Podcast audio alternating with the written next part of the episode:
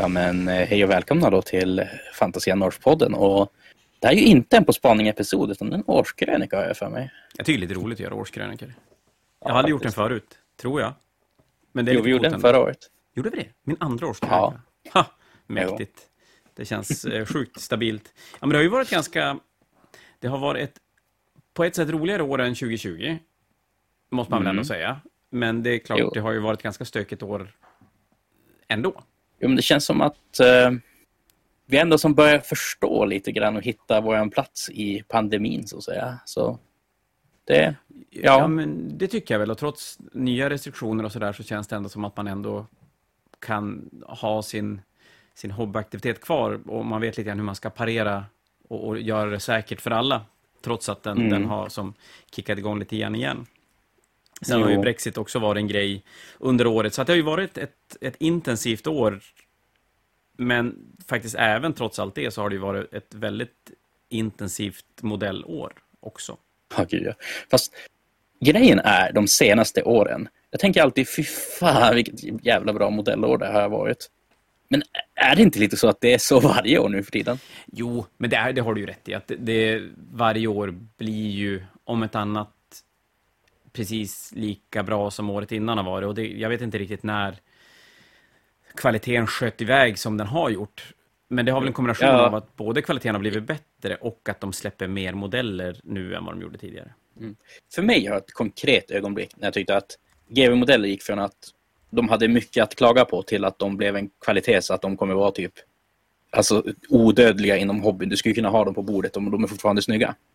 Och det var ju den här vändan typ 2007 till 2009 när vi fick Grey Knights, nya Blood Angels med Def Company, Sanguinary Guard, nya Grey Hunters, Thunderwolves, allt det där till uh, Space Wolves och sen så nya Dark Eldar.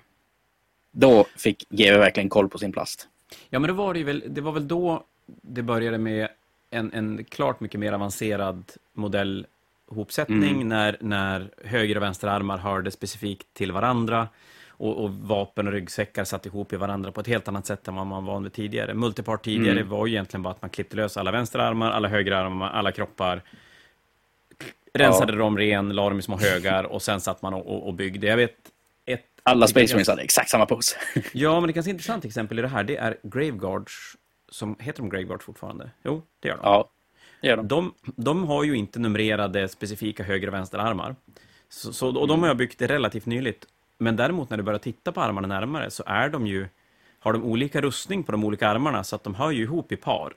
Men GW har ja. inte berättat att paren sitter ihop. Och det är klart, det är någonting nytt som har hänt. Att nu, jag har suttit och limmat systrar, limmat, limmat systrar nu. Och jag menar, mm. det, det skulle ju vara i det närmaste omöjligt utan en beskrivning. Ja.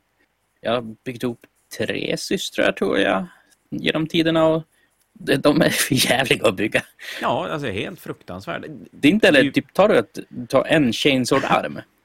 Den där chainsword-armen kommer inte passa på någon kropp än precis den ska vara på för hur den sitter och grejer och alla det här fladdret och liknande. Det, och det är ju inte ja, så nej. att det är tydligt på biten vilken kropp den ska sitta på, utan det är ju verkligen att du måste mm. se på beskrivningen vilken som hör in och så är det någon sån diskret liten försänkning någonstans som ska, ska passa in. Så att eh, mm. det är väl...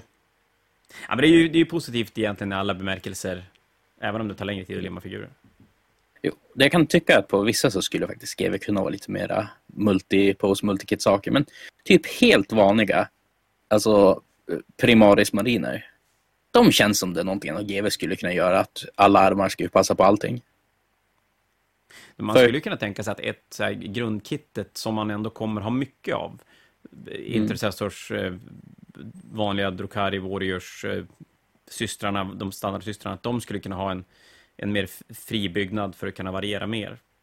Jo, och jag menar, Dark Eldar är ju ett, ett exempel som jag tycker är förmodligen det bästa grejen vi har gjort, att de har gjort multikit-modeller som ändå ser ut alltså, som att det är inte som en Space Marine typ där man kan täcka över alla joints med en oändligt stor shoulder pads utan där måste ju faktiskt saker som passar snyggt och gå på posera och grejer. Så nej, Dark Eldar multikit-sakerna. 2008 eller 2009. De, de passar ihop i varandra. Att du kan ta vilken bild ja. från vilken modell som helst, från vilket kit som helst. Mm. Och det funkar. Men, du kan ta oavsett... pilot från eh, ditt, eh, vad heter din Raider och bara ta armen som pekar med hela handen och sätta den på en Warrior till exempel och det bara ja. passar. Det är amazing. Det funkar. Det, det är kul. Men oavsett, det är bra modeller som kommer. Och vi hade ju snackat mm. om att vi skulle ge våran syn på de snyggaste modellerna 2021. Och det skulle ni få lyssna på i den här årskrönikan. Jo. Däremot så har jag tagit lite egna initiativ och eh, frågat runt lite folk i Umeå om de vill ta ett litet inskick till årskrönikan och säga vilken modell de tyckte var snyggast och vad ska jag alltså få lite så här rösta utifrån också. Så vi kan läsa upp ett par om vi har lust. Ja, men det är väl Vi kör det på nu. Det är väl lika um, bra. Om vi börjar med det, sen kan vi gå igenom lite grann av, av modellerna som kommit, för det, det, var, det var inte tvärlätt att välja. Mm.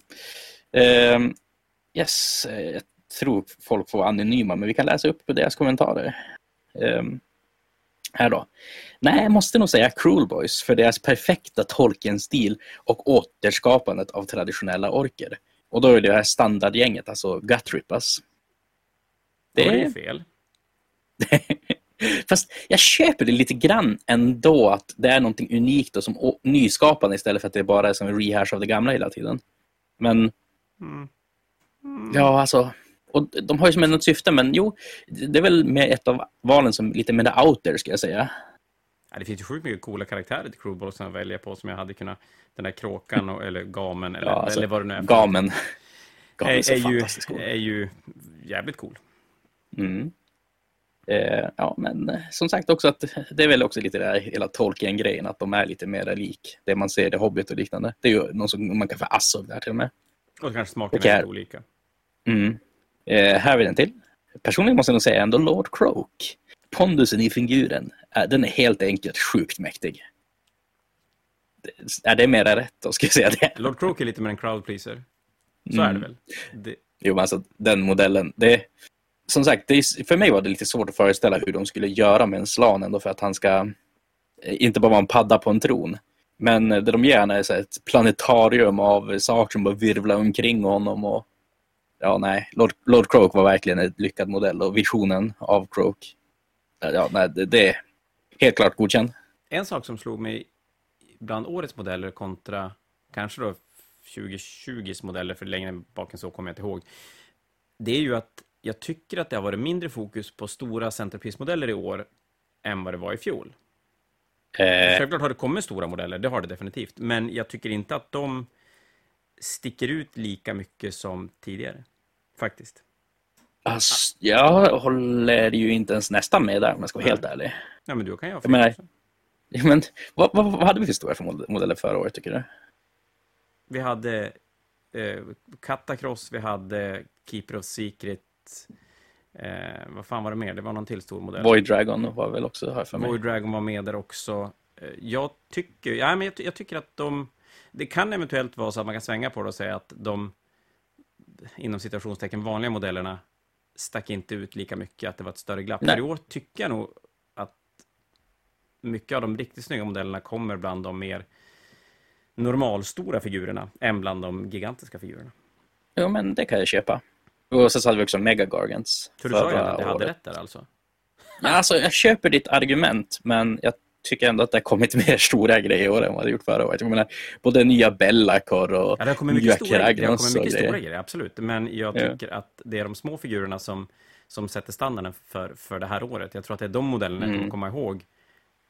Om, typ om Cruel Boys och syster-releasen. Det, Ja, Även Beast det finns, det, finns, det finns några stycken där. Det, vi, vi kommer närmare till, till specifika modeller, men det är klart, Death Corps och krig kommer väl mm. kanske att, att vara oh, det, du får inte göra sådär. för 2021.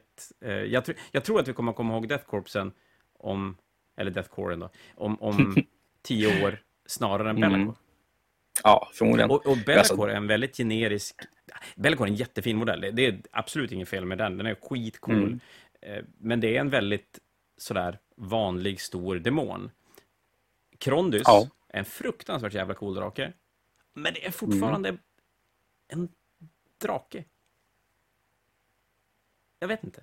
Då är Okej, okay, där hängde hängde inte riktigt med. Ja, men alltså, alltså, det, jag tänker att för att en modell ska, ska leva vidare genom åren mm -hmm. som en modell som man kommer ihåg, riktigt, då, ska det, då måste det vara någonting mer än bara en, en vanlig drake. Mm. Och Krondus är ju en, en, det är ju en snygg modell, ingen snack om det, men, men frågan är om det är den vi kommer komma ihåg om, om, mm. eh, från 2021, längre fram. Ja, alltså, om inte folk kommer något annat om Krondus var det väl att Drakar med nerfades innan den ens kom ut. Så Kanske det, det, att det, det, det mm. Ja, men eh, fler inskick då. Laukawai, Mother of Nightmares. Sjuk, fantastiskt cool modell som samtidigt är sjukt out there. Mm. Och en av de stora grejerna som fick mig att bli taggad på Soulblight. Ja, det här är också är ju... ska jag säga, kontroversiellt. Att vissa, här, antingen så ogillar man modellen eller så tycker man att den är amazing. Det är ju Centaur vampyrgrejen från Soulblight. Och där har vi modeller som kanske st sticker ut på ett mer unikt sätt än vad kanske då Bellacore och eh, Krondus gör. Mm. Kan jag känna. Jo, det är den skumma soten som kom helt enkelt. ja, men exakt. Var det i år? Nej, det var i fjol. Var det. Jo. Har du Ändå släppte en sot. Jo, jag har flera till. Eh, High Marshal Helbrecht. Han utstrålar helt enkelt kompromisslös dominans i allt från hans posering eh, kuvade servitors, heraldrik, allmänna badass factor. Trogen originalmodellen men har lyft till en helt ny nivå i sin nya form. Det gör Helbrecht till min favorit för 2021. Hade det inte varit en badass någonting, då hade jag trott att det var du som hade skickat in din egen lilla sådär anonyma, inom situationstecken, åsikt om, om 2021s eh, modeller. Mm. Ja, alltså, badass-faktorn, det är väl där det försvinner med någonting som jag skulle skriva. Ja, det lät inte riktigt som ditt typ av språk, men eh, Nej. åsikterna... Men annars hade jag kunnat skicka in det. ja, faktiskt. Helvresh, alltså han, han, är ju typ det... Alltså, han är den coolaste Space Marine för mig, bara rakt av. Det... Ja, är skitcool. Riktigt, riktigt mm. cool. Jag sitter faktiskt och på att måla honom just nu. Håller på att nomma honom till mm, en YouTube-guide. Jätte, jättefint ut, måste jag säga. Mm. Så, Så han är väl dykt upp nu någon gång framöver. jo. Jo, nej men Helbrecht, alltså han, han, han, jag kan ju säga det, han kommer förmodligen vara någonstans på min lista när vi väl kommer till den.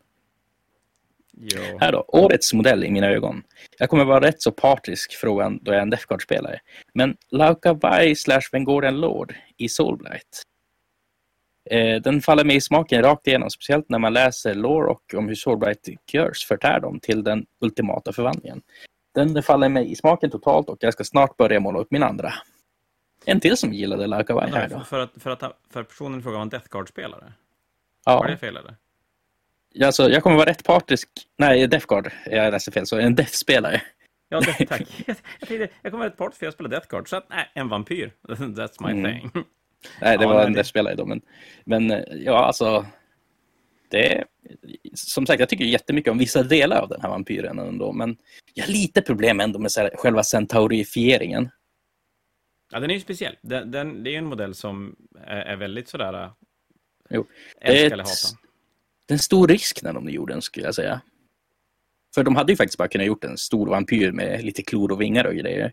Men istället så gör de alltså en Vengorian. Jag tycker, jag tycker det är kul. Jag tycker det är kul att de gör någonting så att det inte blir en stor drake.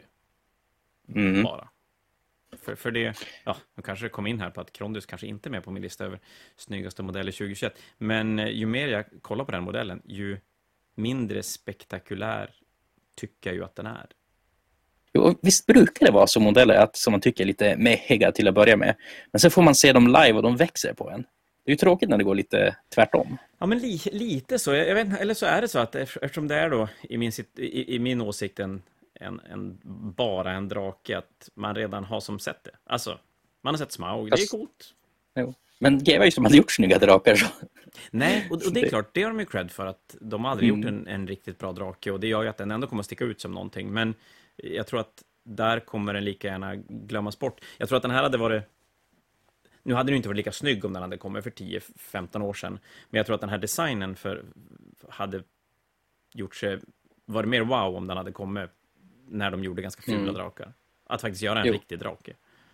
Den påminner lite grann, alltså, nu är det jättestor skillnad på dem för det är typ så här två decennium emellan dem.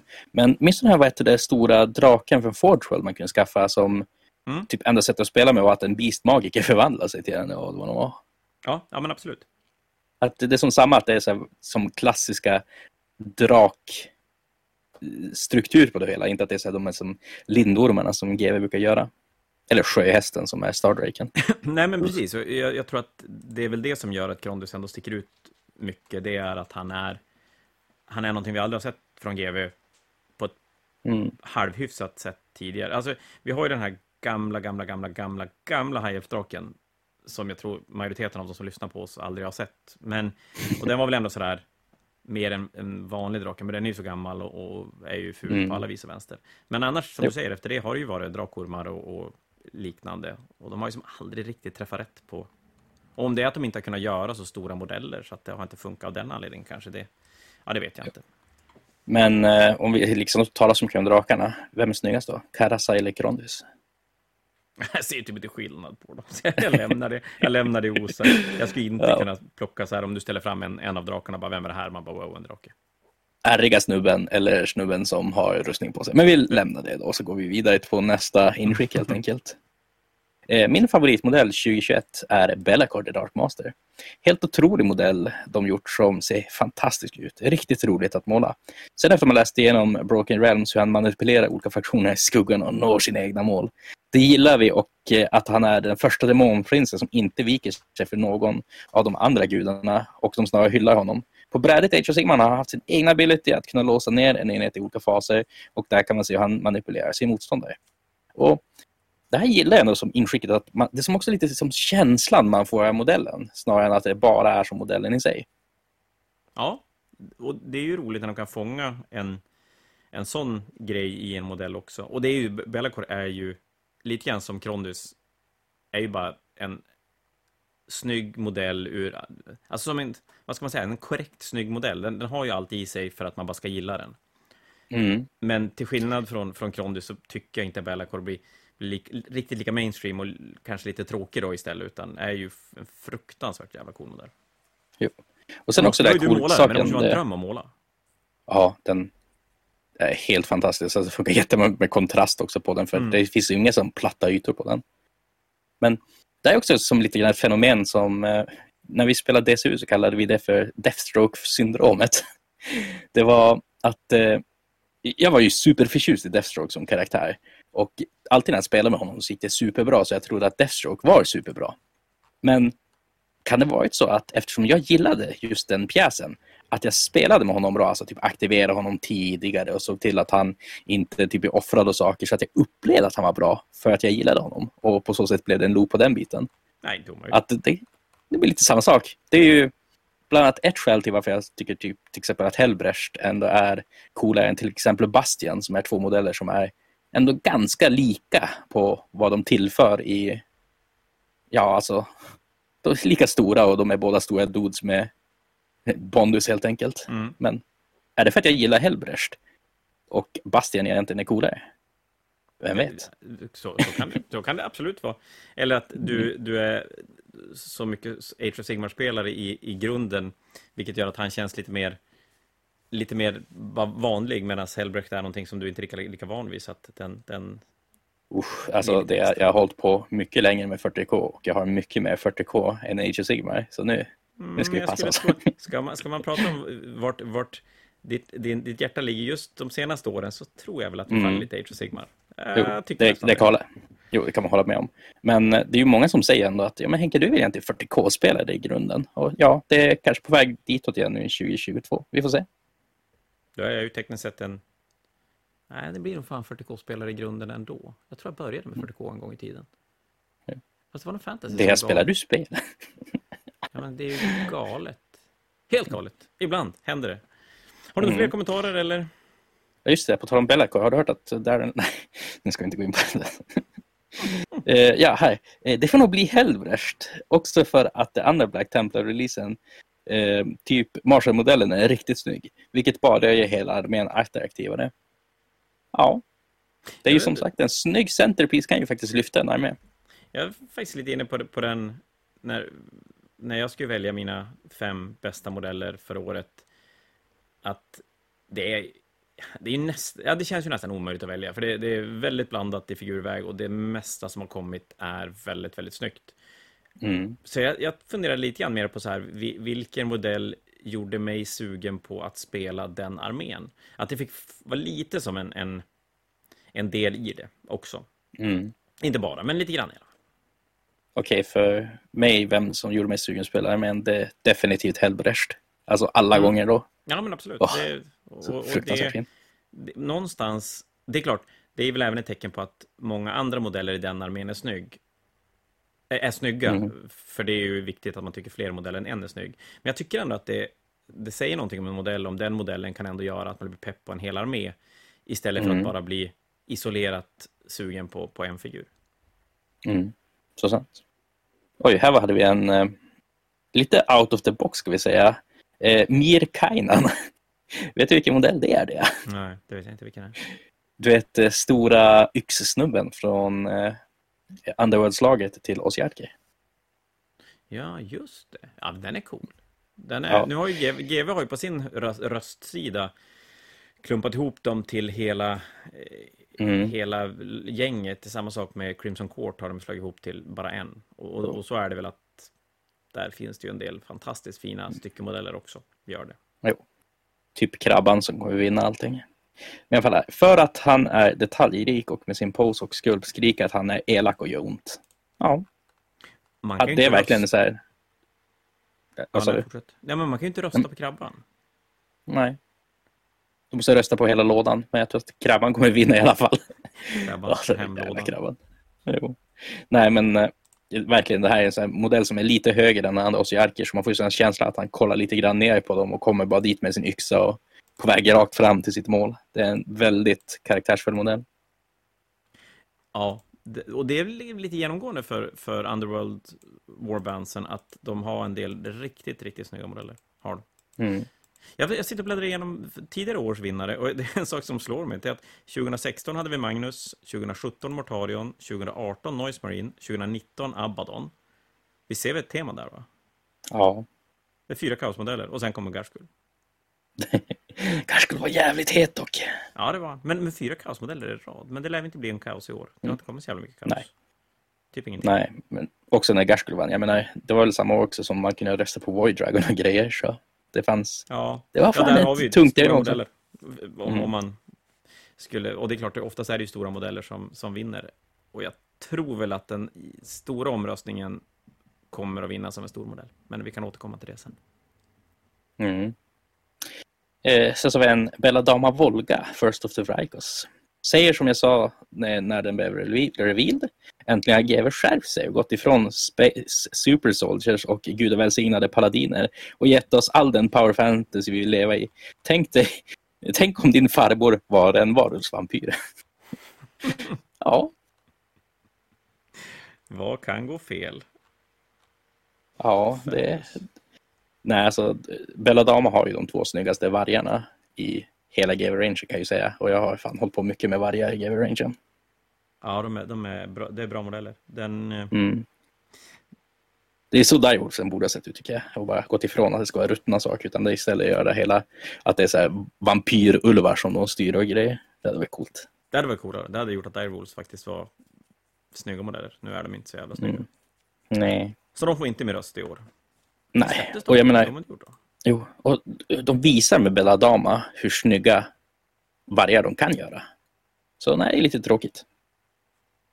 Men det... Om du vill göra snygg, bra vargar så köper du Pasnalfang och klipp bort goblinsarna. Där har ni Faktiskt. Det. Och det kommer vara en, parentes, en parentes i in the long run ändå. jo. Eh, här kommer mitt, eh, ska vi säga, min modell eh, of the year 2021 är releasen av Deathcore of Krig. Skulpterna är väldigt bra med fina detaljer och dynamiska poser. Och det är bra med extra prylar på spruen att dekorera figurerna med. Eh, roliga att måla var de också. Äntligen släpptes de ikoniska skyttegravskrigarna i plast. Och jo, här är det igen att Deathcore har både ryktet om sig men också att det är sjukt fina modeller. Det är ja, väl de... en av de här som folk har väntat på att Kommando ska komma i plast och Deathcore ska komma i plast. Och så kommer de i samma låda. Ja, ja Deathcore är, är ju både en tuff modell tror jag för GW att göra, för de har ändå så pass snygga modeller som förlaga. Och de måste ju någonstans bli de måste ju bli snäppet bättre än de gamla Fortroad-modellerna. Och, och det lyckas de med. De gör ju modeller som är snygg, lika snygga som Deathcore, fast bättre. De gamla ja. Fortroad. Och, och det är väl det i sig är ju rätt imponerande, för, för det hade ju lätt var det lätt att bara göra exakt likadana modeller, men de har ju ändå lyckats göra lite mer. Och som man säger i den där, det är ju sjukt mycket bitar i den lådan. Ja, fy fan. Och den, har de gjort, den har de gjort bra när, när vi pratade om det här med multipart och, och svårt att, att Mm. bygga om modeller. Men jag tycker att Deathcore-modellerna är så pass stor skillnad beroende på vilken, vilken utrustning du väljer på modellen. Så att du skulle nog kunna limma 20 stycken och ändå ha ganska många som blev väldigt, väldigt olika varandra. Jo, eh, när vi satte ihop dem så var jag den som satte ihop eh, kommando så fick jag nog lite samma vibbar där. Att det fanns mycket saker för att göra att de blev annorlunda. Typ så annorlunda huvuden och grejer också. Så att Mm. alla såg bara inte exakt likadana ut. Och det, det är ju faktiskt en väldigt bra sak att man ska kanske inte bara kolla på modellen när man tänker på sådana saker också. Och vad, hur lätta de är att bygga och exakt vad man kan bygga av dem är väl en grej.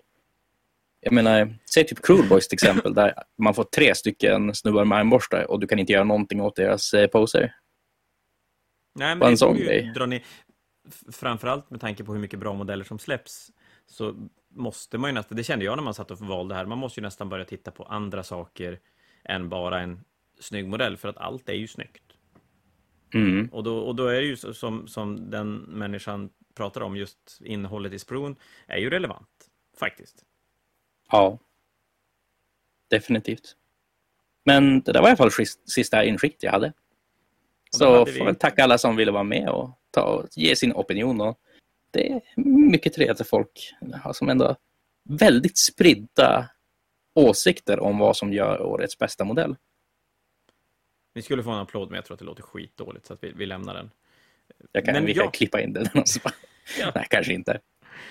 Ja, men vad säger nej. du då? Ska vi, ska vi peta i våran, våran topp fem? Mm. För att jag har då graderat dem 1 till 5. Sen har jag väl ändrat mig typ tusen gånger medan jag suttit med det här. Men, men någonstans landar jag i, i en fem snyggaste modellerna för 2021. Eh, ska vi göra så att eh, vi börjar med min, fast du får säga min första, Vadå, femman eller ettan? ettan. Eller ska vi börja från andra hållet? Då vet Ja, du vi kanske inte. Nej, ettan fixar jag. Femman fixar jag inte. Okej. Eh, Femman för mig kommer vara Defcon of krig. Det är Ja. så fantastiskt snygga modeller. Att, och som du sa, bara att man ser ett kit så är man taggad på en armé.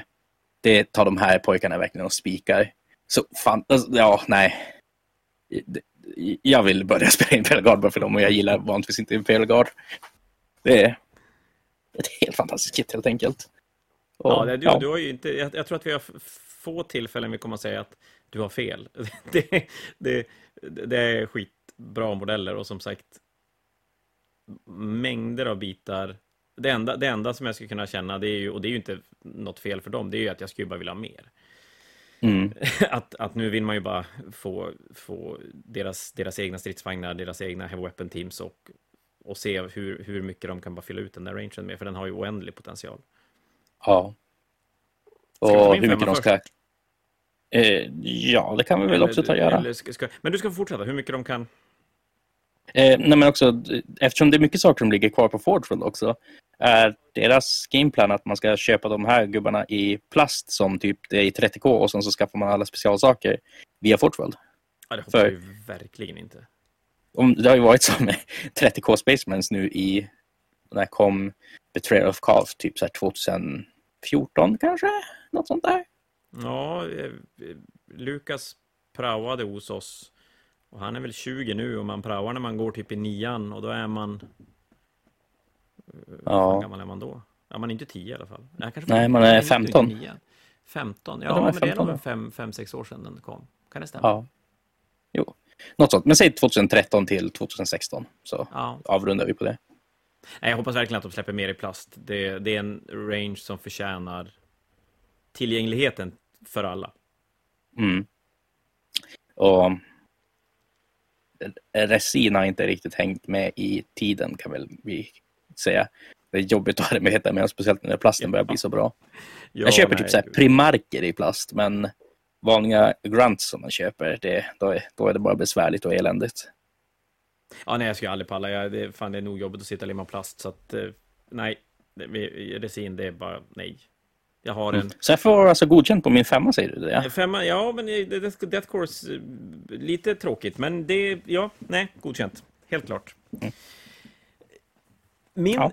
femma kommer en månad tidigare. Dina Death Course kom i augusti. Min femteplatsmodell kom i juli och det är en del av Dominion-lådan. Jag tycker det säger ganska mycket hur långt modellutvecklingen har gått när man med, känner jag med gott samvete kan plocka en modell ur en startlåda som en av de snyggaste modellerna för året. Och då är det mm. Indrasta Stormcast-karaktären med vingar som faller som, plats, som, som femte snyggaste modell för året för, för mig. Mm. Jo, hon är definitivt på min topp 10. Det är en exceptionellt snygg modell. Ja, jag tycker den, den har både lite grann faktiskt att den är med i en, i en grundlåda och ändå klarar av att vara så pass dynamisk och detaljrik som den modellen är. Att det är ju egentligen, det går ju inte att se att det är en grundlådemodell. Det är bara en rakt igenom fruktansvärt snygg modell och jag Sen, sen, går det inte att komma, komma ifrån att det är ganska kul när de ändå gör starka kvinnliga karaktärer som inte blir så här superstereotyp gam fantasy utan faktiskt mm. blir modernt och, och, det kan jag tycka är, är himla kul. Eh, och jag gillar verkligen vägen de väljer att gå med Stormcastern i stort, att de blir mer fantasy. Ja, men också det att de, fantasy. att de så här, gör det folk vill ha ur Stormcast istället för att göra det som lite som skumma egna Stormcasten som börjar med. Typ alltså att Yndrasta har fjädervingar, att det kommer ordentliga drakar till Stormcast och liknande. Mm. Att... Ja, men exakt. Istället för att komma några mekaniska vingar. Och, och, och, det är klart, jämför man Stormcast Rangen som kom 2021 med den första som fortfarande, det är ju inte jättelänge sedan Liberators kom, men helvete vilken mm. skillnad det är. Ja. Det, de har verkligen uppat sitt game där. Det har de. Mm. Så, plats nummer fyra då. Ska du gå först? Nej, det, jag började med femman, så du får börja med fyran. Då börjar jag med fyran. Då tar jag upp en modell som, där du kanske inte kommer hålla med mig och eh, faktiskt två stycken har nämnt den tidigare. Och det är Lauka Vai, den Soulblight Kentaur-vampyren. Mm. Som sagt, jag håller... Fast nej, plasten är ju jättesnygg. Alltså, typ det här stora vampyransiktet. Jätte, jätte, jätte, jättecoolt. Vapnen supercoola och detaljerna på rustningen jättebra. Så det är helt fenomenal plast. Men nej, den är lite för skum för mig för att sätta på den listan. Är jag nog rädd ändå. Ja, men den, den, det håller jag med om att det är en jävligt konstig modell. Den, jag, jag tror som sagt att det här är en modell som antingen kommer att gå genom historien som någonting som man verkligen kommer att komma ihåg. Eller att den kommer att falla i glömska för att den är lite för konstig. Och mm. att det är då många som inte gillar den. Så, så, så den, det blir spännande att se om ett gäng år vart, vart en sån här modell landar. Men för mig blir det en sån modell som gör att jag blir bara ännu mer pepp på att spela, spela Soulblight. Som, som ändå, det är en armé som jag är rätt sugen på. Och den här mm. modellen gör det verkligen ännu mer. Eh, så den är, ja, den är, den är lite, lite skum, men eh, det är nog kanske det skumma jag gillar i den. Mm. Den har ju snygga regler om inte annat. Den har det? Ja, men det är bra. Det gillar vi. Mm. Ja, men eh, min fyra. Jag kan säga att min fyra och femma är typ på samma nivå och det är väl mer det här vad som gör mig taggad att börja med armén och kanske också så här bakgrundsfluffet till det hela. Men min fyra är Bastian Carthalos. För alltså, det är som en sån modell som är egentligen bara en liten dod på en 50 mm bas. Men satan vad energi det är i den där modellen. Han bara promenerar fram och ska wacka någon med sin stora jävla hammare. Ja, det oh, nej. En av de modellerna genom alla tider som har lyckats skapa mest känsla med minst effort. Kan man säga så? Mm. Alltså, det är Men, verkligen... Det är ju det hela den här grejen om att uh, behöver man gå omkring och säga att man är stor och stark hela tiden så kanske man inte är det. Bastian, han behöver inte säga det till någon. Alla bara vet det. Ja, ja men verkligen. Och han, han har ju som inte, han har inte den, den coolaste hammaren, han har inte den coolaste rustningen, han har inte den största kappan, han har inte mest detaljer på sig. Mm. Men, men, ändå på något sätt så, så eh, lyckas han ändå. Jo, fast han har ju den coolaste hammaren. Han slår hårdare än vad Galmaras gör. Det, det är inte okej okay, det. På papper har han absolut den, den, den coolaste hammaren. jo, men, som sagt, det, det var ju som när de gjorde den här Warhammer Community-grejen med coolaste hammare i 40K Age of Sigma eller vad. Galmaras fick en honorable mention. är det det vi kallar power creep?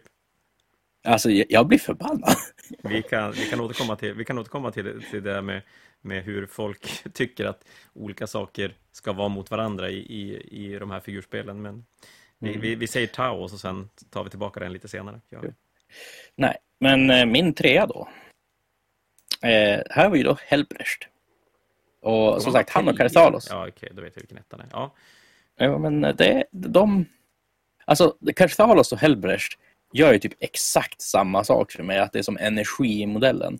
Och Ja, som jag sa tidigare, att hamnade Helbrecht över Kartalos bara för att jag har alltid gillat Helbrecht i Loren genom alla dessa dagar, medan Kartalos är någonting nytt. Alltså jag menar, förmodligen. För jag kan som inte riktigt sätta fingret på vad exakt jag gillar bättre med Helbrecht än eh, vad jag gör med Kartalos. nej, det, det, det är ju två modeller som... Ja, men de ger ju en exakt samma känsla, typ. Mm. Ja, Det är väl det. Den är eh, till varsitt spel helt enkelt. De satt vid GW Board Meeting och bara Vi behöver Pondus-karaktärer. En till det här spelet, en till det här spelet. Vad har vi? Ja men Bastian Hellberst, kör! Så, så Ja, ja, så. precis. Hur ska vi göra dem? Ja, gör dem likadant. Vad fan, det är ju skitsamma. Ja, okej. Mm. Ja, men du, min trea då, den här, den här tror jag inte kommer hamna högt upp i omröstningar om, om snyggaste modell 2021. Men det är någonting med den här modellen som jag bara, alltså jag bara älskar det. Och det är Psycho-monstern till Necrons. Mm. Eh, det här känns ju som en modell som kan vara svårt att placera vilken det är i Ja, Necron-releasen. det finns ju en del monsters, men då är Psycho-monstern den Mm. där som, som på något sätt fasar ur verkligheten. Han har delar av basen är som, jag vet inte hur man ska förklara det, det är som tegelstenar som håller på att röra på sig, eller någonting. Mm, jag tycker som att han också på animera upp så här, lite grann med typ source code of reality eller någonting. Eller att han har en printer som bara tar fram de där skumma tegelstenarna eller någonting. Jag vet inte. Någonstans, den här modellen tror jag, för, för Necrons hade jag som faller för redan innan. Jag tror att modellen som gör att jag skulle spela, spela Necrons, det är Void Dragon. Så att, Men den här modellen, på något sätt har den lyckats fånga en, en känsla som jag inte tycker borde gå att fånga i en statisk plastmodell. Utan det här skulle vara någonting som skulle ses digitalt och man, man skulle se vad han gör, eller vad, vad den gör på ett, på något sätt. Men, men jag tycker att man fångar det så jävla bra i, i en, en, ja, men en, en helt stillastående modell, en, en statisk modell. Jo, men det är som att det där att när de gör typ effekter och grejer, att det, det är väldigt många som missar på det. Typ Shadow-laget med K-Knight-sakerna till Underworlds till exempel är en sån som jag tycker att de kanske har misslyckats lite grann med på vissa av de där skugggrejerna. Och saker som är som en, ska vi kalla det en kronologisk händelse, att det är någonting som händer under ett spann av tid, men du tar och låser det som i ett ögonblick och man ska ändå förstå vad som händer. Att det är sjukt svårt att göra modellmässigt. Det är ju nästan aldrig så att de lyckas tycka jag fullt ut. Det, det innebär Mm. kanske inte att det blir fula modeller, men som du säger, det, det är oftast inte, det blir kanske inte riktigt det de har tänkt sig. Nej. Lite som eld, eld från, från vapen och, och sådana saker också, att det blir aldrig Mm. riktigt, riktigt, riktigt bra. Och Endless Spells är väl också en sån som jag tycker har lite grann det problemet i Age of Sigma i alla fall. Ja, för det finns väl inte en, det finns, okej, det finns få snygga Island Spells. Mm. Gör det. Och, och i alla fall sådär som man kommer ihåg, eller att man kanske då väljer en armé för att det är så jävla snygga Endless Spells, det skulle väl aldrig hända. Nej. Så, så Psychomonsen... nej, det, kanske, en- även om de vore snygga skulle man inte göra det. Men, men nej, det är väl inte de som man ens tar fram... Alltså, nej, de är med för att man vill ha dem. De är bra. Typ. Mm. Jag, jag, jag tror att det är anledningen varför de är med. Nej, så. Psychomonsen, den, den, den får bli min lite sådär... Eh, vad fan heter det? Wildcard för 2021-modeller. Mm. Jo. Jag, som sagt, jag håller ju definitivt med det här hela med hur de har fångat den effekten. Men jag tror att det är en modell som inte hamnar speciellt högt på den alltså universella omröstningen Nej, heller. gud nej. Det- Den, nej, nej. Den, den kommer inte... Den är en av alla monster så folk kommer inte kolla på den typ. Ja, nej, absolut. Eh, min tvåa då, och, och här blir det en modell som, som egentligen talar emot allt jag ha, har sagt att jag har valt kring. Men då är det Bellacore som, som ändå får bli min näst snyggaste modell. Mm. Och, och egentligen har den ju som sagt, den är väldigt generisk, den är standard på alla sätt, men den är ju bara så fruktansvärt jävla snygg. Ja. Det, det, det, Nej, alltså- det, Svärdet är så sjukt snyggt. Alltså, så här, posen och hur mycket den som tar upp rummet ändå med sina vingar och saker. Men samtidigt att, nej, alla, nej det är så jävla snygg modell. ja. Jag vet inte. Och den, den Ehm. ska ju gå så, så snygg i en bokhylla eh, överallt. Alltså, ja, nej, den är bara bra. Den, den skulle nog gärna passera målarbordet någon gång, men inte nu. Mm. Men som sagt också som jag hade i inskicket att det är en modell som har varit med i Lauren jättelänge. Han har alltid varit väldigt häftig i Lauren och gjort sin egen grej. Han har snygga regler på bordet och gör en unik grej som man ser honom ganska ofta. Han har en helt egen faktion i Age of Sigmar. Mm. Och ja, nej, det... Han är till och med mm, supersnygg modell. Också. Han, han har ju som, mm. lite sin egen grej där också. Och, och där också lite grann som Death Course när du väljer dem. Det är ju också en, den gamla modellen håller ju inte idag, men backar vi vadå, tio år så är ju den en mm. av de snyggaste modellerna under den eran. Ja. Och de har som lyckats göra den de har, de har behållit väldigt mycket av det gamla originalet men bara gjort den så att den passar in 2021.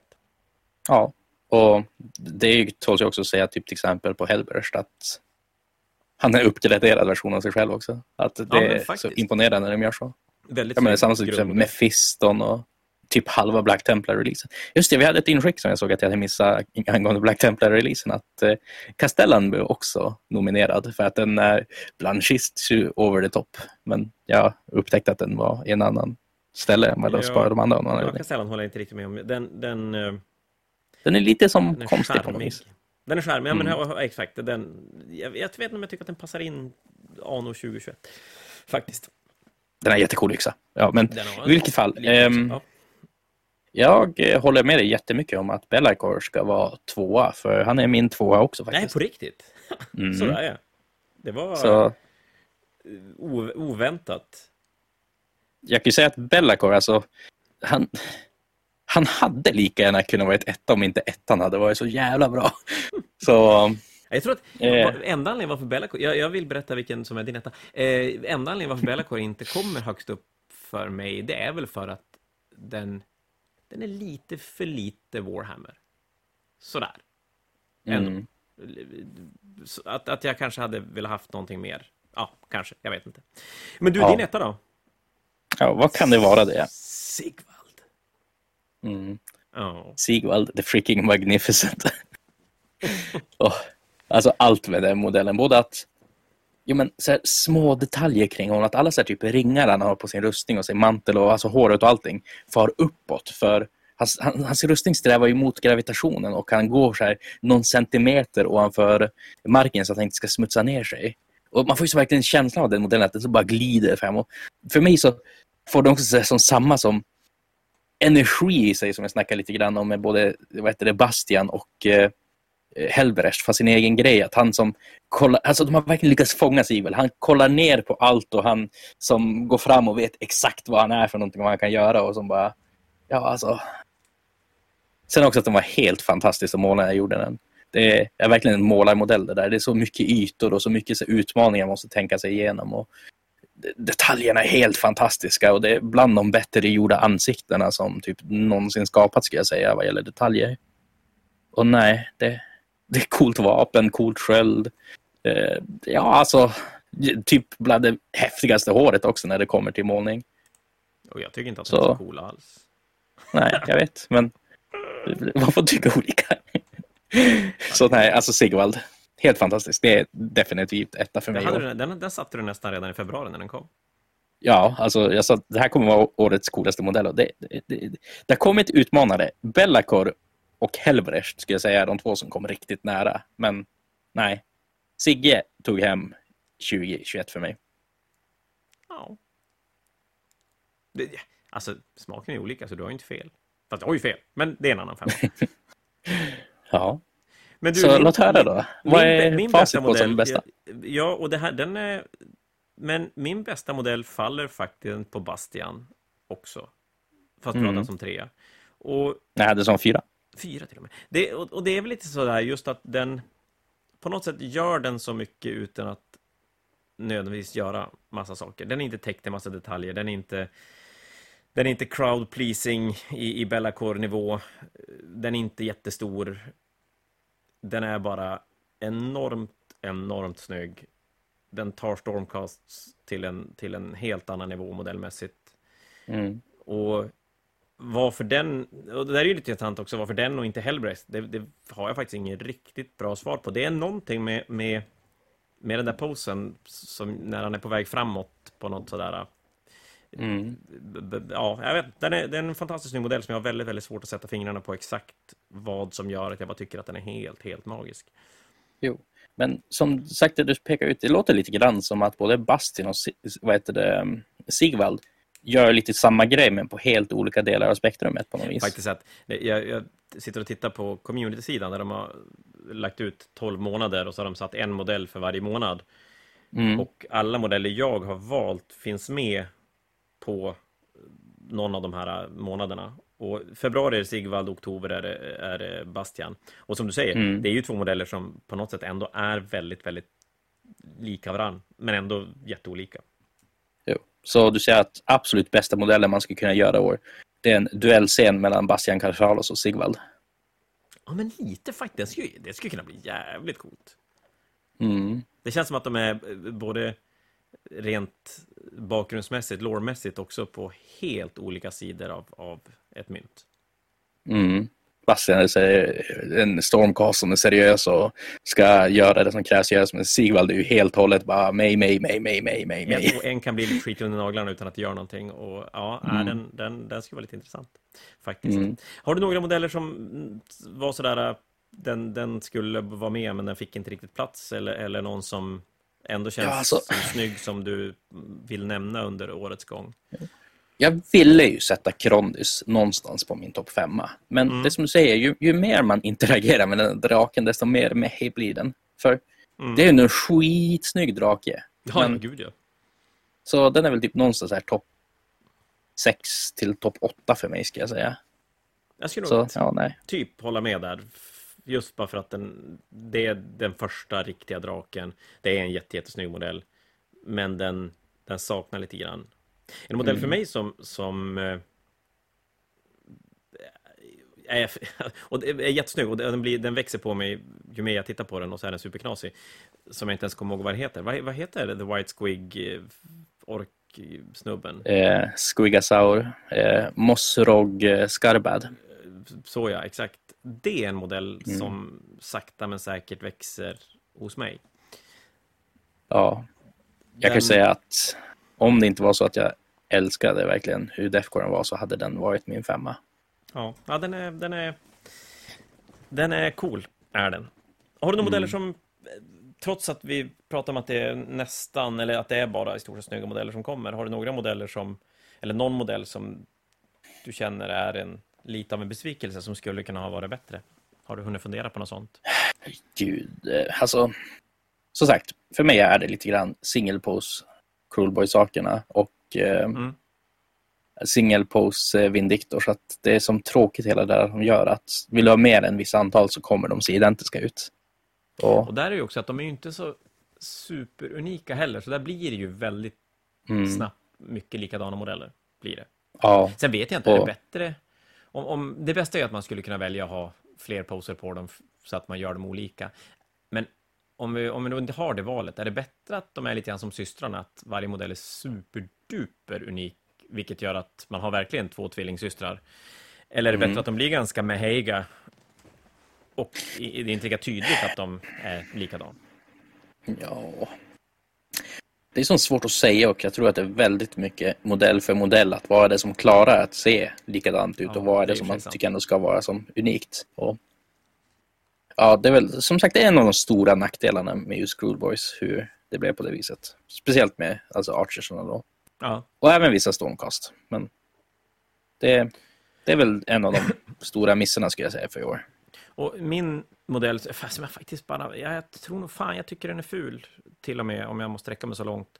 Och då ska jag bara se om, det är rätt modell jag tänker på. Eh, Severith, visst är det räven till... eh, Mm. Severith Det- eh, Windspiriten. Ja, exakt. Den modellen har jag väldigt, väldigt, väldigt svårt för. För mig är det svirvelsvorvlet att det ser så fruktansvärt konstigt ut. Så har ni sett den där som jag byggt nu till eh, Fantasias Luminette-armé så har jag tagit bort de där svirvelgrejerna. Gjort att han parkourar över en pelare istället och har typ ett så här banderoller som hänger efter sig. Och det tyckte jag var en väldigt bra fix för att göra modellen. Mm. Men har inte Lumineth varit lite sådär, alltså ända sedan de kom, att det är mycket så konstiga saker som man kan haka upp sig på som man ogillar. Typ så här, eh, kohjälmarna och ja, men, Jo. Alltså, all, gäller bara i allmänhet. Du, du, dansa på sin, sin brorsas axlar. Eh, hänga på eh, sitt eh, Moon Spirits eh, vinge med sin cloak som tekel. Så. Ja. ja. Men det är väl så att de, där de, där de släpper en Bellacore och en Krondus som är sjukt mycket crowd pleasing så är kanske Luminetsen exakt raka motsatsen. Mm. Att där gick de verkligen en helt egen väg och jag vet inte, det är kanske tidigt att säga om de lyckas eller misslyckas. De är jävligt mm. bra och det, det, är ju alltid, det går ju som aldrig att bortse från när man, när man tittar på, på, på att mm. folk spelar den. Är det för att de är bra eller roliga att spela eller är det för att det är fantastiskt snygga modeller, att man tycker om modellerna? Jag tror att det är väldigt mycket snygga regler just nu i Luminet. Kan jag ju säga på direkten. Men ja, pilbågarna är fina. Kommer Luminet, kommer Luminet gå samma rutt som Stormcast gjorde? Att de försöker göra någonting eget, unikt och det köper inte ett spelare och sen så kommer de gå runt ett varv och så, så blir det klassiska fantasy-alver igen. Den är ju rätt intressant. Det är ju faktiskt inte ja. alls omöjligt. För Stormcasten har ju verkligen gjort den resan. Ja. För nu är... Luminet är på väg på samma ställe men bara lite efter helt enkelt. Ja, för nu är ju Stormcast så här superstandard paladin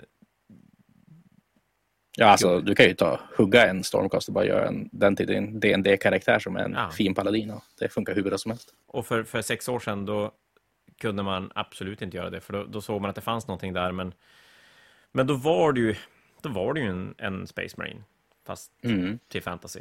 Det är det ju inte längre. Ganska långt. Nu tycker jag inte ens att det finns någonting Space Marine-aktigt i en... Alltså, även om Bastian och, och Hellbrecht är väldigt, väldigt lika varandra så finns det ju ingenting som säger Space Marine över Bastian. Mm. Nej, verkligen inte.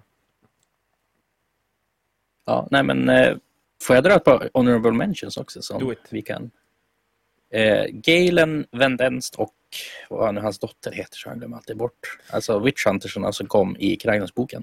Faktiskt, det är ju sådana modeller som inte kommer att förmodligen vara nära att vinna en, en bästa modell för att de är för små. Mm. Eh, Doralia heter hon. Ja, Doralia Vendenst. Men eh, ja, modeller som, som eh, jag tror kommer att leva vidare länge i många olika format, både som vi sa på Dungeons and Dragons-borden eller i Mordheim-spel e- eller på målarborden bara för att det är förmodligen skitroliga modeller att måla. Ja. Eh, Spirit Song Revenanten tycker jag också är eller Warsong Revenant kanske den heter. Spirit ja, Song. ja men eh, flöjtspelande Sylvanethen som kom eh, eh, nu i våras. Men leder inte den jättemycket av att den kom tillsammans med fet modeller? Så, ja. Som gjorde att den, för vad kom den med? Croak, Kragnos? Eh... Croak, Kragnos, Bellacore. Ja, just det. Bellacore kom där också. Så den hamnar lite i skymundan och den kom ju tillsammans med Titaner, men att man kommer ihåg den ändå så pass väl trots vad den releasades bredvid talar väl ändå lite grann om att den är en ganska snygg modell. Ja, men av de modellerna ska jag nog säga att det är den näst snyggaste av dem. Croak tycker jag är ju bättre. Croak är en fruktansvärt bra modell.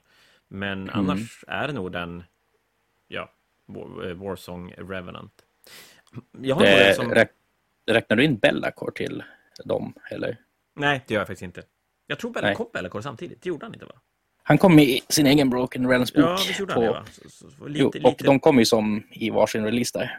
Så, så det var de Jag kommer ihåg just den där releasen kommer jag ihåg så väl, för vi fick ganska mycket av varje låda. Och det var, det var Croak, det var Kragnos, det var Dexessa eller vad de heter, Talonslandet. Dexessa och, ja precis. Sinessa. Också snygga modeller. Eh, också, de, de, de hade jag kikat lite grann på, men sen inser jag att jag tycker att de egentligen var en sämre variant av uh, Keeper of Secreten. Mm. Och det gör ju inte att det är en ful modell, men det gör att det kändes knasigt att välja en modell som jag tycker att det finns en väldigt likadan modell sen året innan som är bara så fantastiskt mycket snyggare. Ja, verkligen. Den, den föll bort av den anledningen. Man kan sen... välja Underhive Market från Necromunda, by the way. Oj. Ja, där har vi en som inte kommer få många röster tror jag. Du, du tror inte det? Även om det är ganska snyggt. Men det är liksom inte riktigt en modell utan det är som träng. Kanske, kanske inte är det man, man kikar efter när man ska välja. Mm. Sen har jag en bekännelse också. Jag tycker inte Kragnos är snygg. Jag skulle kunna säga att du har fel. Men det kan jag inte göra. Det... Stora problemet med Kragnos för mig, det är att han är fel. Mm, alltså han passar ju inte in i ork boken överhuvudtaget. Nej. Alltså vad gör han ens där? De hade ju redan Gordrak till och med. Alltså, så, storyn funkar inte heller. Och så är han konstig. Det är som, ja nej. Och, han, och, och, och inte bara det att han inte passar in i Destruction, han passar ju som handen i handsken i en Beastman-armé. Ja. Beast of Chaos hade behövt en sån där modell också. Ja. Ja, men det Medans, varit, ja, alltså, det, han hade kunnat ta rollen av en, en, en schagott, till exempel, och bara slängt ut schagotten. mm. Nej, där hade han ju varit spot on. Och förmodligen, jag tror ju att han hade blivit snyggare rent som modell i, Så, om han hade varit en Beast Han slår han är en alltså, så här, primal entitet från en tidigare ålder innan civilisationen riktigt var en grej. Han handlar om att han vill ta dräpa civilisationen och bara gå och röja på det viset. Han Han passar ju in i fluffet till Beast of Chaos. Ja, modellmässigt är han en Beast of Chaos-modell. Bara rakt av. Mm. Ja, den är, den är märklig. Och nej, den är faktiskt... Den håller jag nog med om att det är lite av en... Kanske en liten besvikelse. Och det tror jag är en modell vi absolut inte kommer att komma ihåg eh, om, om vi spolar framtiden. 50 Jag tror folk kommer komma ihåg eh, 2022 med alla Kragnosar som dundrar över bordet och söndermördar allting. Han fick Det- det sjukaste buffen nu i Ja, jag, FAQ. jag tror att direkt efter FAQn så sålde vi... Den veckan efter sålde vi fyra eller fem Kragnosar. Bara rakt av. Mm. Och det är inte en modell som säljer en i veckan, kan jag ju avslöja. Faktiskt. Ja. Så nej, det han har snygga regler. Det, och det ska vi inte underskatta i sammanhanget. Det, och det, det säger ingen om, jag, menar det är roligt att spela med bra modeller. Men han är tråkig att spela också. Han är bara en stor rund sak som går fram i mitt på bordet som en jävla missil efter det han ska ta och nacka. Och så, så, så gör han inte så mycket mer. Han är sjukt svår att döda, han slår sjukt hårt och han chargear jätteargt. Det är ju ett jättetråkigt Han, spel. nej, han, är, han är tråkig. Ja, Så nej. Det, det är väl... bort. Bort. Ja, och jag har ändå målat upp en Kragnos också för det... Nej, det, nej Kragnos Han får han underkänt av stå mig. där helt enkelt. Ja. En, en till modell som jag, som jag måste nämna lite grann, som kanske inte är snygg, men det är ju ändå eh, Thunderhawk Gunshipen från Aeronautica Imperialis. Och den där jävla trailern alltså. Ja, den, är- den är magisk. Den, eh, Ja. och, och det... Nej, Det den finns är, ju vissa som så här en kul verkligen modell. hit-trailers de har gjort. Det är ju... Den Jag när de made den- of plastic Thunderhawk. När de gymmar med, med XL-sprayflaskorna var ju faktiskt... Det var ju som en, måste ju vara en av de ganska tidiga sådana här lite humorgrej de Mm. gjorde, som var, som var rolig. När eh, Nurgle kom och de gör en Nurgle-temad eh, julsång med Duncan. Ja, men just det, det var något år sedan. Det var ju också jävligt Ja. roligt. De, uppenbarligen har När bilarna kom till Orker och de gör värsta så här motiverande bara You don't need wings to fly if you're an ork. ja, nej, det, det är kul att det är lite humor. Ja, men så är det ju. Men du, 2021 där, där, där satte vi den och vi är ju faktiskt ganska nära. Vi är ganska nära varandra i, i vad vi tycker. Men Bellacore Ja. satte vi båda. Vi har båda med Bastian. Det är väl egentligen Ja. Laukavai och Psycho Monster från min sida som, som Och Sigvald för min. Sigvald från din sida som vi inte riktigt Mm. håller med varandra, men i övrigt så och jag tror väl att det är där någonstans. Jag tror att Croak kommer komma ganska högt upp på de här röstningarna. Ja, definitivt. Bellacore. Jag kan också tänka mig att eh, vampyrlaget från, vad heter det, eh, Underworld kommer Ja, gå ganska om bra inte för. det är så att folk glömmer bort det för att det är hela, alltså, hela, Mm. man, hela lådan. Jag tror att Krondus kommer komma bra till. Ja, Det är fortfarande en, definitivt. en cool drake, så är det. Jo. Vad tror vi, jag tänker mig, eh, vi har ett, snart ett nytt år och uppenbarligen har ju GW inte tänkt dra ner på tempot i modellväg. Ja, de har ju Mm. redan hunnit visa en hel del. Vad, vad har vi, vad kan man se fram emot då? Har du några sådär Ja, Alltså, jag drog ju en prediction, var det nu i oktober eller något sånt där? Tiden går så snabbt att eh, Beast of Chaos kommer förmodligen vara en del utav Slaves to Darkness innan 2022 är över tror jag. Och då kan man Det- hoppas på lite nya modeller också då? Ja, Där skulle Och- komma en del jävligt coola. Nästan så att Beast of Chaos skulle kunna få göra en Soulblight-förändring. mm, faktiskt. Hade ju varit svincoolt. Och Jo, jag måste väl säga och alltså- att för, Ja, fortsätt. ja, jag tänkte säga för min del så, så är det väl det de redan har visat i Eldarväg som, som ändå Mm. lockar ganska ordentligt faktiskt. Det, de där jetbikesen som, som de har visat ser ju fantastiskt spännande ut. Jo. Så kommer vi få Tau uppenbarligen. Med världens argaste railgun. Åh oh, gud vad internet. Uh, ja, det, det är ibland... Men är det inte bara ett fordon som man jo. kan skjuta sönder? Jo. Det... Alltså det, det, är ett fordon som skjuter ett skott som dödar typ det den pekar på, uh, så länge mm. man träffar. Vi har inte riktigt sett hela statlinen, vi har inte sett stratagems och grejer, vi har sett lite grann. Men det är fortfarande så här, hur mycket kan de buffa sina to hit? Är det en 4 plus, 3 plus, så är det ju fortfarande mm. ganska stor chans att missa. Men så också, och... en Hammerhead är ju inte världens tankigaste fordon eller? Det är bara att skjuta sönder den. Ja, och den I don't get the problem. Också. Så att, ja, och visst, Knightsen kommer tycka att det är skitjobbigt när Knightsen inte får börja. Och, och, mm. men, men det kommer så här åtta stycken orkbilar susande över ängarna. Ja, en orkbil kommer ju dö något så helvetes mycket. Men mm. ja, det var en strax under hundringen som dog. Så att det är lite tidigt att, att gå helt banana. Så det är väl det är lite roligt att se många memesen som faktiskt är så uppenbart gjorda bara på skoj. Men det finns ju uppenbart ganska mycket kränkta människor. Jag har sett tyrannidforumen är ganska full av, av tyrannidspelare som nu äntligen hade fått monster som faktiskt kan göra någonting. Och så kommer en sån här då som dödar mm. monster och är uppenbarligen superkränkt över det. Oh, döda monster så kom jag på en till låda som inte jag gillar speciellt mycket. Squighog Boysen. Uh. Du gillar inte dem? Nej. Alltså, Squigosaurusen är jätte, jättecool, men Squigog Boysen gillar jag inte. Ja, men vi ska inte gå off track för mycket nu. Eh, till Age of Sigmar så känns det ju ändå som att vi har två till Lumen F-tempel att hämta från. Men vi har ju också Umbranet, alltså skuggalver med Malerion. Det känns som att det skulle kunna bli en grej för 2022. Ja. Faktiskt. Och, och, det är väl någonting som, om de nu har varit lite crowd pleasing i form av Cruel Boys och så någonting annat som jag tappade tråden. Jo, Soulblightsen också. Så mm. skulle ju Skuggalver och Malerion vara exakt samma grej. Jo. Snacka om och, och se åt alla gamla fantasyspelare som inte tog övergången till Age of Sigmar speciellt bra att kolla, kolla här, kolla vad ni har, en morot, kom nu, kom nu. Så, så det skulle man kunna säga. Men en årskrönika i all ära ska ju, och det är kul att prata om 2022, men en årskrönika ska väl behandla lite grann året som har varit. Har vi något annat än snygga modeller och, och titta tillbaka på som ja, har varit alltså, det, det, är ju lite snygga modeller, men det har ju varit lite drama i år också kan jag säga som sagt, på tal om snygga modeller så har vi Curse City. Ja, det inleder år, året på ett ganska... Eh, ja, vad ska man säga? Det, det, det, var, det blev en speciell inledning på året. Jo, men det, det, alltså som sagt att de hypar upp Curse City alltså mycket mer än vad de gjorde Blackstone Fortress. Och så, så har de bara, nej men vi ska inte göra något mer av det här och eh, det kommer ta slut efter så här mycket så typ alla som vill ha den fick inte ens sina modeller. Och samtidigt så skickar de ut så gratis exemplar till typ jättemånga. Och nej, det var som konstigt.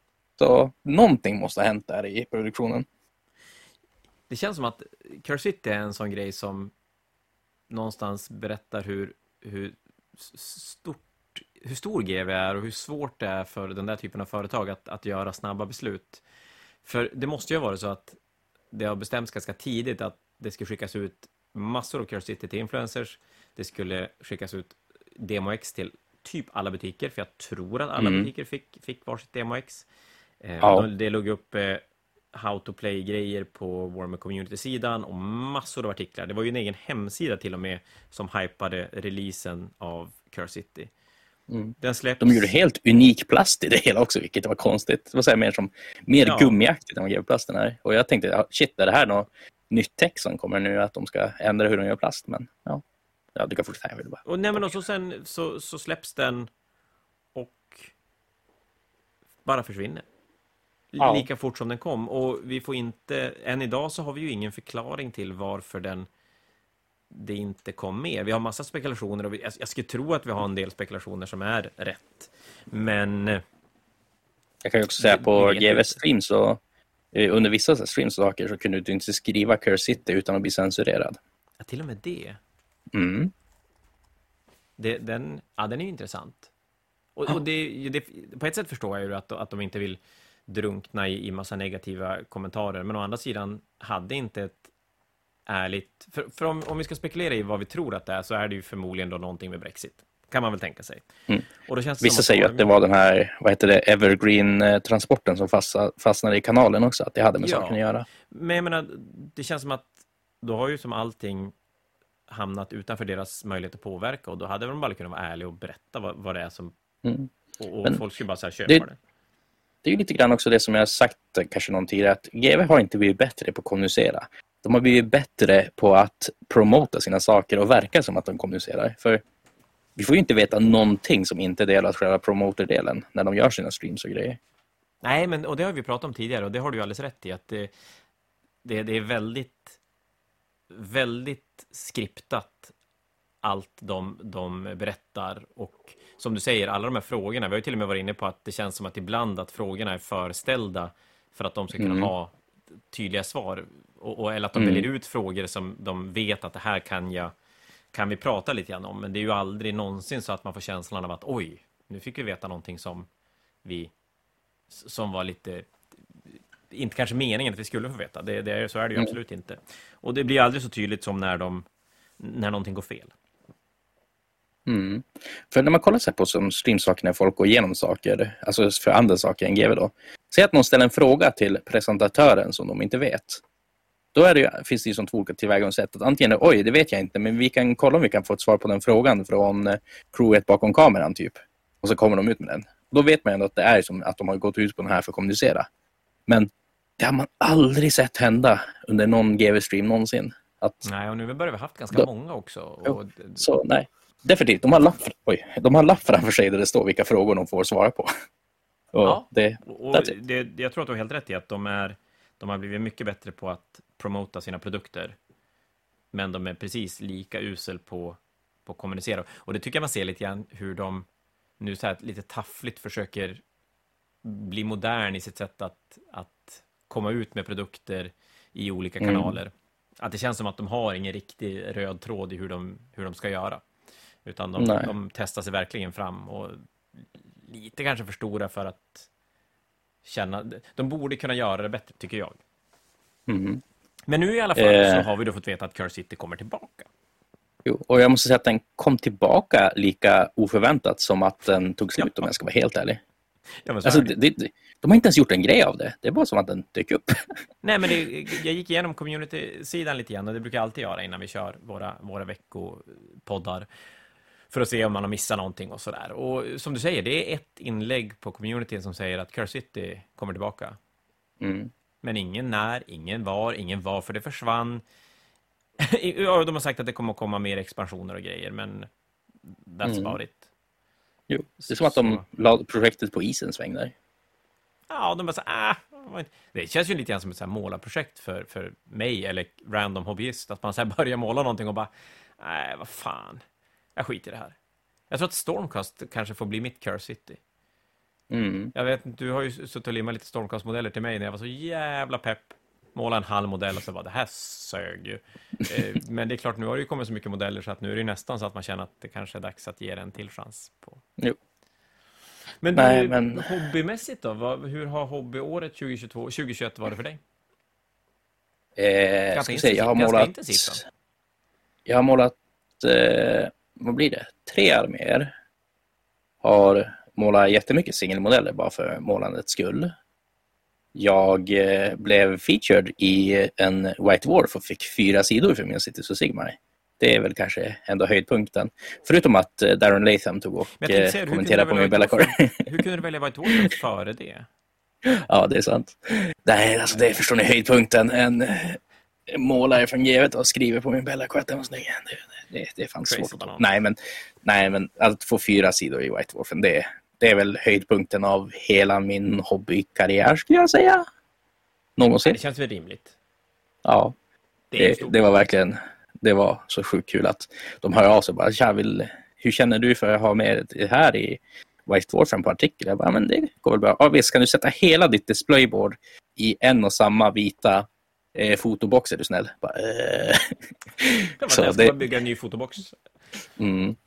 Ja, det är Ja, kul. Det, och det är ju en snygg. Exakt det jag fick göra. Ja, det var så. Ja, men, Ja. och det, det, det förtjänar den definitivt. Eh, Mm. Mitt hobbyår har... Eh, mitt hobby, jag har målat som vanligt inte så supermycket. Det är faktiskt först sista delen av, av december som jag har haft mer tid och möjlighet att måla. För mig har det väl hobbyåret, mitt hobby, hobbyande blir ju väldigt lik det blir väl likhetstecken mellan mitt hobbyande och fantasia. Mm. Av, av förklarliga skäl. Och för mig är det väl framförallt att man överlevde en, en Brexit-katastrof de första månaderna som, som ändå får... Men inte det, är du associerad med fantasia? Nej, ibland kanske. Jag har en fantasia på mig nu, så det är väl kanske därför, eventuellt. Mm. Eh, nej, men sen har jag målat, jag har målat eh, tyrannider, har jag målat, jag har målat upp, jag har faktiskt målat, jag har ju faktiskt målat en armé i år. Jag har ju målat Imponerande. Ja, det, jag kommer på det nu, jag har ju målat oss i Arke i år. Hm. Mm. Din Catacross blir ju faktiskt skitfin. Tack. Ja, det blir bra bilder på den. Mm. Så, så det, och så sen nu på slutet har jag målat upp ett Warcry-gäng och så sen har jag bara målat, målat lite systrar och sådär. Så att eh, eh, Tyrannider har jag fyllt på lite grann med när de har fått lite nya regler. Så just nu så står jag lite grann och, och velar vart, vart jag, vilken väg jag ska gå nu i början på 2022. Om, om jag ska måla färdigt ett killteam till systrarna. Och det var för jävla roligt att, att måla, men det var sög ju fantastiskt att limma, så att vi får se om det blir tio modeller eller om det blir ett försök på, på lite mer kanske också. Mm. Nej, alltså systrarna, det är också en armé som jag skulle vilja göra. Just för att Black Templar är så jävla bra kontrastfärg. jag har inte riktigt, inte riktigt fastnat för kontraster i allmänhet och, och, absolut inte Black Templar i synnerhet. Även om jag målar upp ett Warcry-gäng med, med i det närmaste bara kontrast. Och det var ju rätt typ av ytor är ju kontrasten för jävla najsig, måste man säga. Mm. Det är ja. päls och hud funkar ju skitbra. Jo. Helt enkelt. Men det känns också som att GW har gjort mycket rustningar och saker att de ska vara mer kontrastvänliga. Och där är väl systrarna som är i ett power armor verkligen praktmodellen för det. Att det är någonting som kontrast funkar skitbra på. Ja, men jag har väl tagit ut tre modeller i år som alla är superstruktur, alltså, eller där rustningen är väldigt kontrastvänlig. Och det är ju både, egentligen både Bastian, Yndrasta och eh, Bellacor också är ju, känns som en relativt kontrastvänlig modell. Faktiskt. Ja. Så jo. det kanske finns en tanke. Ja, de släppte ju oss i samma veva som de släppte kontrasten. Så det... Jo. Nej, men 2021, jag... Ja, alltså... Har ändå tagit sig som lite mera steg i år kanske för att faktiskt bli konkret bättre på att måla istället för bara som låta det hända naturligt. Att man så här, typ köper vissa modeller och sen så prövar man de här nya svåra teknikerna som man har läst om på det här, det här stället och gör lite trial and error och saker. Så, gör det som mer aktivt istället för att det är bara något man gör passivt. Ni kan välja att göra antingen Henriks väg, att aktivt försöka bli bättre, eller göra som mig, att egentligen bara försöka få färdigt saker. Mm, du föddes färdigt amazing, eller hur? Ja, precis. Ja, men... fan, jag målar ju precis som man målade på 1998. Eh, typ. Jo.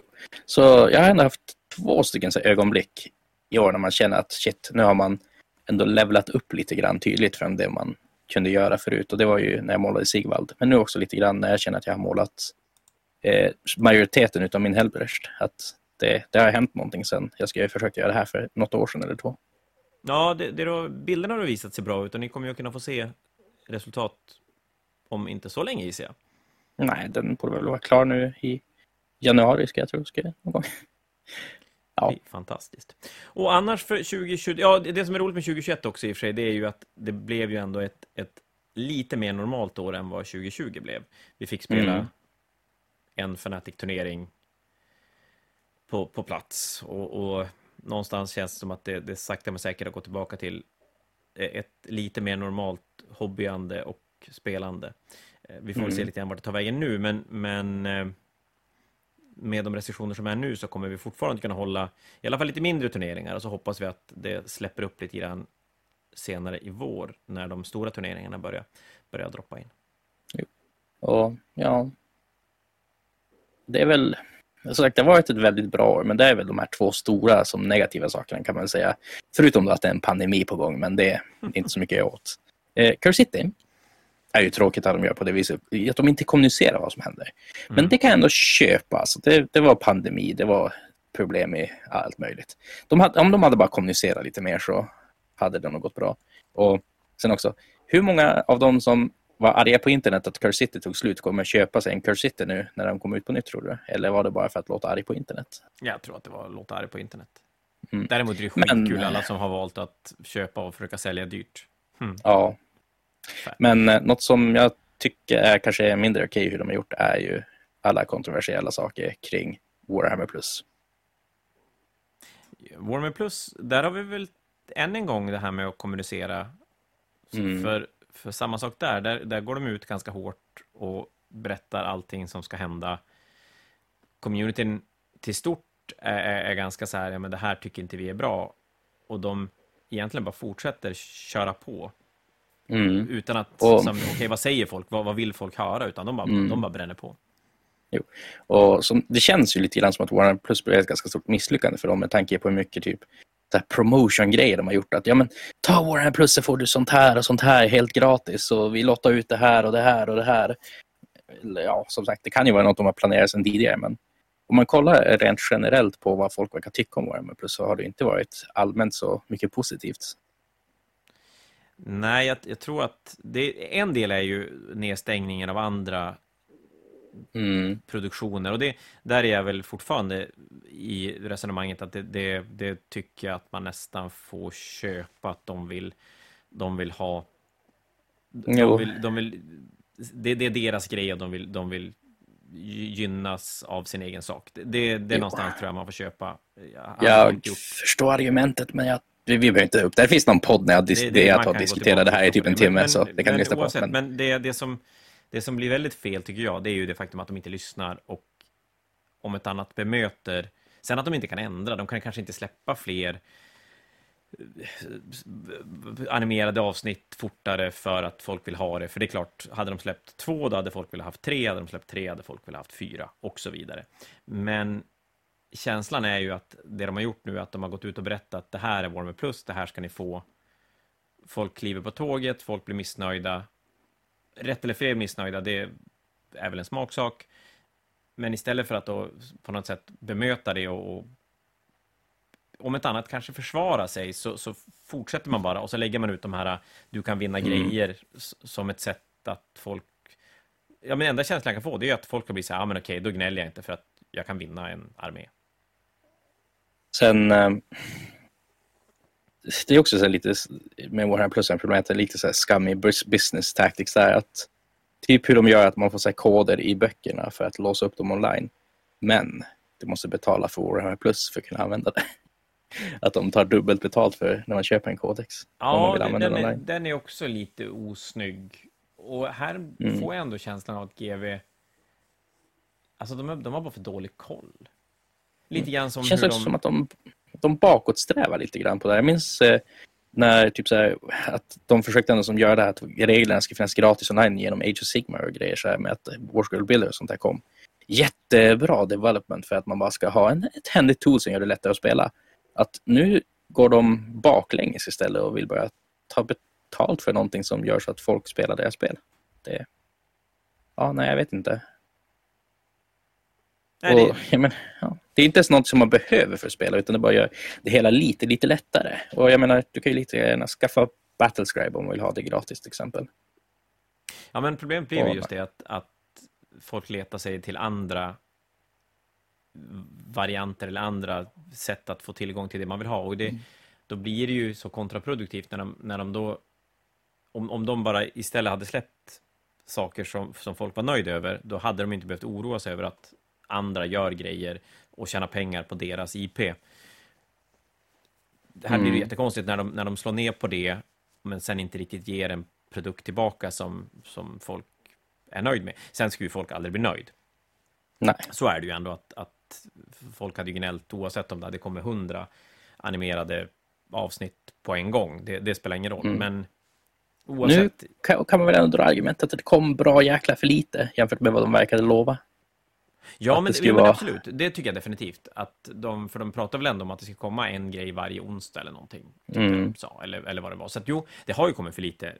Det är ju inget snack om det. Nu tror jag att hade de släppt så mycket som de lovade så tror jag fortfarande att det hade gnällts enormt mycket.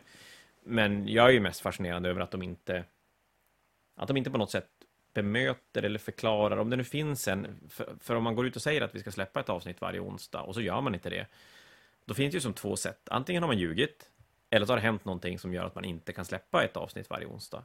Mm. Men som sagt, GV ja, kommunicerar inte så. Det, ja, då blir ju, det blir ju steget att det känns som att de ljuger istället. Jo. Och det är ju ingen... Det är lite grann som när det kom till FAQ i våras, eller i fjol, för ett år sedan är det ju ganska precis, när de inte släppte en FAQ till Age of Sigmar för att de hade för lite data. Mm. Och sen släpper de en FAQ på drakarna Två FAQ är det med. Så det är... Ja, två FAQ innan drakarna är släppta. Ja. Och, två separata nerfers. Ja, och helt plötsligt så har de då uppenbarligen data för att göra två nerfers innan mm. de är släppta. Och, och, då blir det ju så himla konstigt att veta vad som är, vad som mm. är sant. Och, och, det blir så jo. tråkigt då varje gång. För, för jag, jag stör mig ju jävligt mycket på, på en community och människor som hela tiden, oavsett, och det gäller väl inte egentligen bara GV, men eftersom vi pratar om GV nu så, så tar vi det som exempel. När GV säger att vi, ja men säg Curse City, om de inte har gått ut och sagt att ja men vi, Brexit gör att vi kan inte släppa Curse City. Och så kommer det alltid mm. de som säger att ja fast det tror jag inte på. Jag tror att de säger så bara för att, och, och oavsett vad de ger för anledning så så kommer folk bara säga att nej, men jag tror att de ljuger, jag tror att de ljuger. Och, och det tycker jag är ganska störande. Någonstans känner man ju att man vill lita på, om det då är företag eller om det är människor, när, när de säger saker. Men problemet jo. är ju när då, i, det här fallet GV då, ger en ganska tydliga skäl till att helt plötsligt inte riktigt lita på vad de säger. Mm. Och, och det, menar, det, det, det dödar ju all goodwill de har, har byggt upp så att säga. Det behöver lite så gravitas också om du ska hålla på och vara företag. Och det känns som att GV ja. tar lite grann och missköter kanske man kan säga. Ja, men 20, 2020, 2021 har de väl inte byggt upp så mycket goodwill. Mm. Det känns som att de har tömt mer än vad de har gett nu i två, två år, tre år kanske. Mm. Men eh, sen så har vi också den största nyheten för hela det här decenniumet. Henrik Cavill spelar Warhammer. Nej, gud. ja, gud, det, det, är ju någon som har cirkulerat så fruktansvärt mycket. Att Henrik Cavill spelar Warhammer. Jag vet inte vart det ska ta vägen. Det är, på ett Nej. sätt är det jätteroligt att, att vår mm. hobby blir uppmärksammad.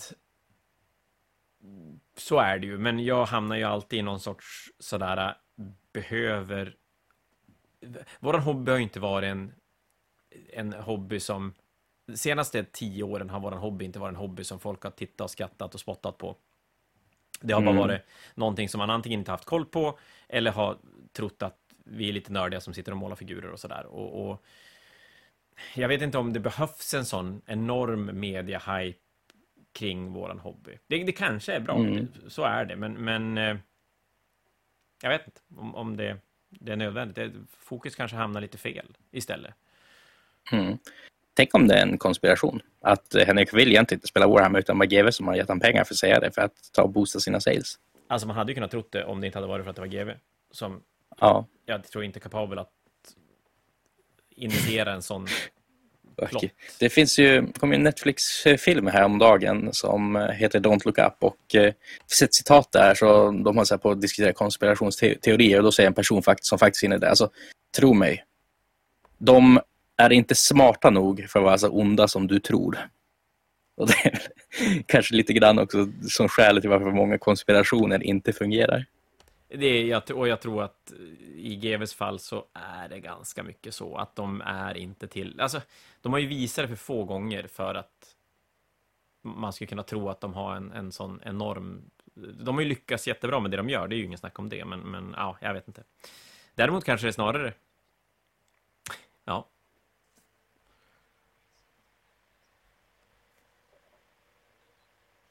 Hur vet jag att det är Henrik Cavill som målar eller om det är bara en plantad image? Han mm. gör jättemycket sponsorship med muscle och liknande. Då har han alltid en muscle tech så här stående på en hylla bakom eller någonting där han visar upp det som säger och kan bara prata om någonting helt annat. Vi har sett exakt samma sak med olika GV-böcker nu framöver. Uh, ja, det... Det som skulle kunna tala emot det, det är det faktum mm. att det räcker att han spelar Witcher för att 99% av alla Warhammer-spelare ska vara helt jävla såld ändå. Ja, förmodligen. jag tror att det, det, han var hemma redan då. Jo, jag tar med konspirationsmössan nu. Det, ja, det... Sagt, det är egentligen saker jag inte riktigt tror på, men det, det är som kul att spekulera. Ja, det är, inte, ja det, det, är det ju alltid. Så är det jo. Så sagt, ni ska inte tro på det jag sa just nu. Det, det, Eller men det, det är kul att... Mm, mm, Mm, kanske. ja. Nej, men det blir... Det har varit, det har varit ett... Eh, det har varit spännande 2021 med, med lite annorlunda förutsättningar. Jag ser väl fram emot 2022 med... med jag ser fram emot 2022 mycket. Det känns som att vi har ett, ett spännande år, både modellmässigt, releasemässigt, men även communitymässigt. Ju i, både i Umeå, men i Sverige som helhet känns det som att det händer mycket. Det har Mm. dykt upp mycket nytt folk i hobbyn. Vi har fått tillbaka mycket spelare som, som har av olika anledningar, anledningar varit borta. Mm. Och turneringsscenen ser jo, fantastisk ut. Gör den och väldigt mycket cred också då till Jesper Melander som ändå försöker styra ihop det som nationwide och försöka få som en liten standard i Age of Sigma hur det ska se ut och grejer. Ja, Age of Sigma-sidan har han lyckats väldigt bra med, tycker jag. Och där har vi ett SM som dyker upp, så vi kommer köra igång SM-kval här i Umeå. och Det kommer att ske på andra orter också. Och så kommer då självklart de stora turneringarna vara SM-kval, ge, ge SM-kvalplatser och sådär. Och det, det börjar hända saker med, med Worlds i, båda spelen. Och ja, men rent, rent spontant så, så ser, det, ser det spännande ut för egentligen alla aspekter av, av hobbyn. Spelmålning och så vidare. Ja, alltså, vi har fått tumme upp av Henry Cavill så det kan ju bara bli bra. Jo, ja. Så är det ju. Vi kommer att eh, fortsätta släppa eh, poddar för fullt under 2022. Mhm. Så att har ni någonting ni vill att vi ska ta upp så hör av er och- på, på något sätt. Det finns lite olika sätt att komma åt oss. Vi kommer att ta tag i com Competitive 40K-podden lite mer aktivt nu under 2022 så att där kommer ni att kunna förvänta er fler avsnitt Mm. och ett lite tydligare upplägg också. Jo, så dyker det upp någon Nörgel-podd också med mig och Jesper som jag varit upptagen för, för att kunna klippa. Så någon dag framöver ska jag tro. Härligt. Det låter ju fantastiskt. Men du, Henrik, nu har ju vi tjatat omkring i typ en och en halv timme, så att de tre lyssnarna som finns kvar fortfarande får vi väl tacka för att ni har stått ut med oss så länge. Ska vi inte göra ett eh, nyårslöfte som avslut inom hobbyn? Kör! Två arméer, tre arméer. Nej. Eh, bygga 40k-armé av något slag. Och eh, mitt problem där är ju att jag är taggad på för många olika, olika saker. Jag menar, Hellbrecht och Black Templars, jättecoola. Bisnagas, supercoola. Döttrar, inte döttrar utan systrar, fel spel. Eh, systrar, jättecoola. Custodes, jättecoola. Så vad ska man börja med? Jävligt bra fråga. Men tills vidare så har jag spikat att jag ska kolla väldigt noga på Bisnagas i alla fall. Vad fan ska jag göra för någonting då? då? Det blir ju skitsvårt, så här får du inte göra. Mm. Spela en match. Nej, jag skojar bara. Jag spelade skitmycket 2021, helt galet. Inte så mycket Mm. avslutningsmässigt, jag spelade väldigt, väldigt mycket vår, sommar, tidig höst. Sen tog livet, kom i vägen. Däremot målningsmässigt Mm. så ökar jag tempot i slutet av... Nej men vad fan. Jag tänker mig att jag lägger lite lågt eh, min ribba och säger att om ett annat så ska jag ha en till färdig 2000 poängs 40k-armé. Okej. Och då har jag, nekronerna har jag kommit halvvägs med, så där kan jag fegis köra. Eh, Systrarna finns... Nej, jag reviderar. Jag reviderar. Jag ska ha en 2000 poängs armé färdig under 2022. Okej. Men jag lämnar spelen lite öppna. Jag har så enormt många idéer och planer som jag är sugen på, så att jag vet inte riktigt vart jag ska var landa någonstans. Ja, väl en men, eh, men med det så får väl önska ett eh, gott nytt år åt alla och en god fortsättning så syns vi när kalendern vrider sig över till 2022. Absolut. Gott nytt år på er. Hej då. Hej då!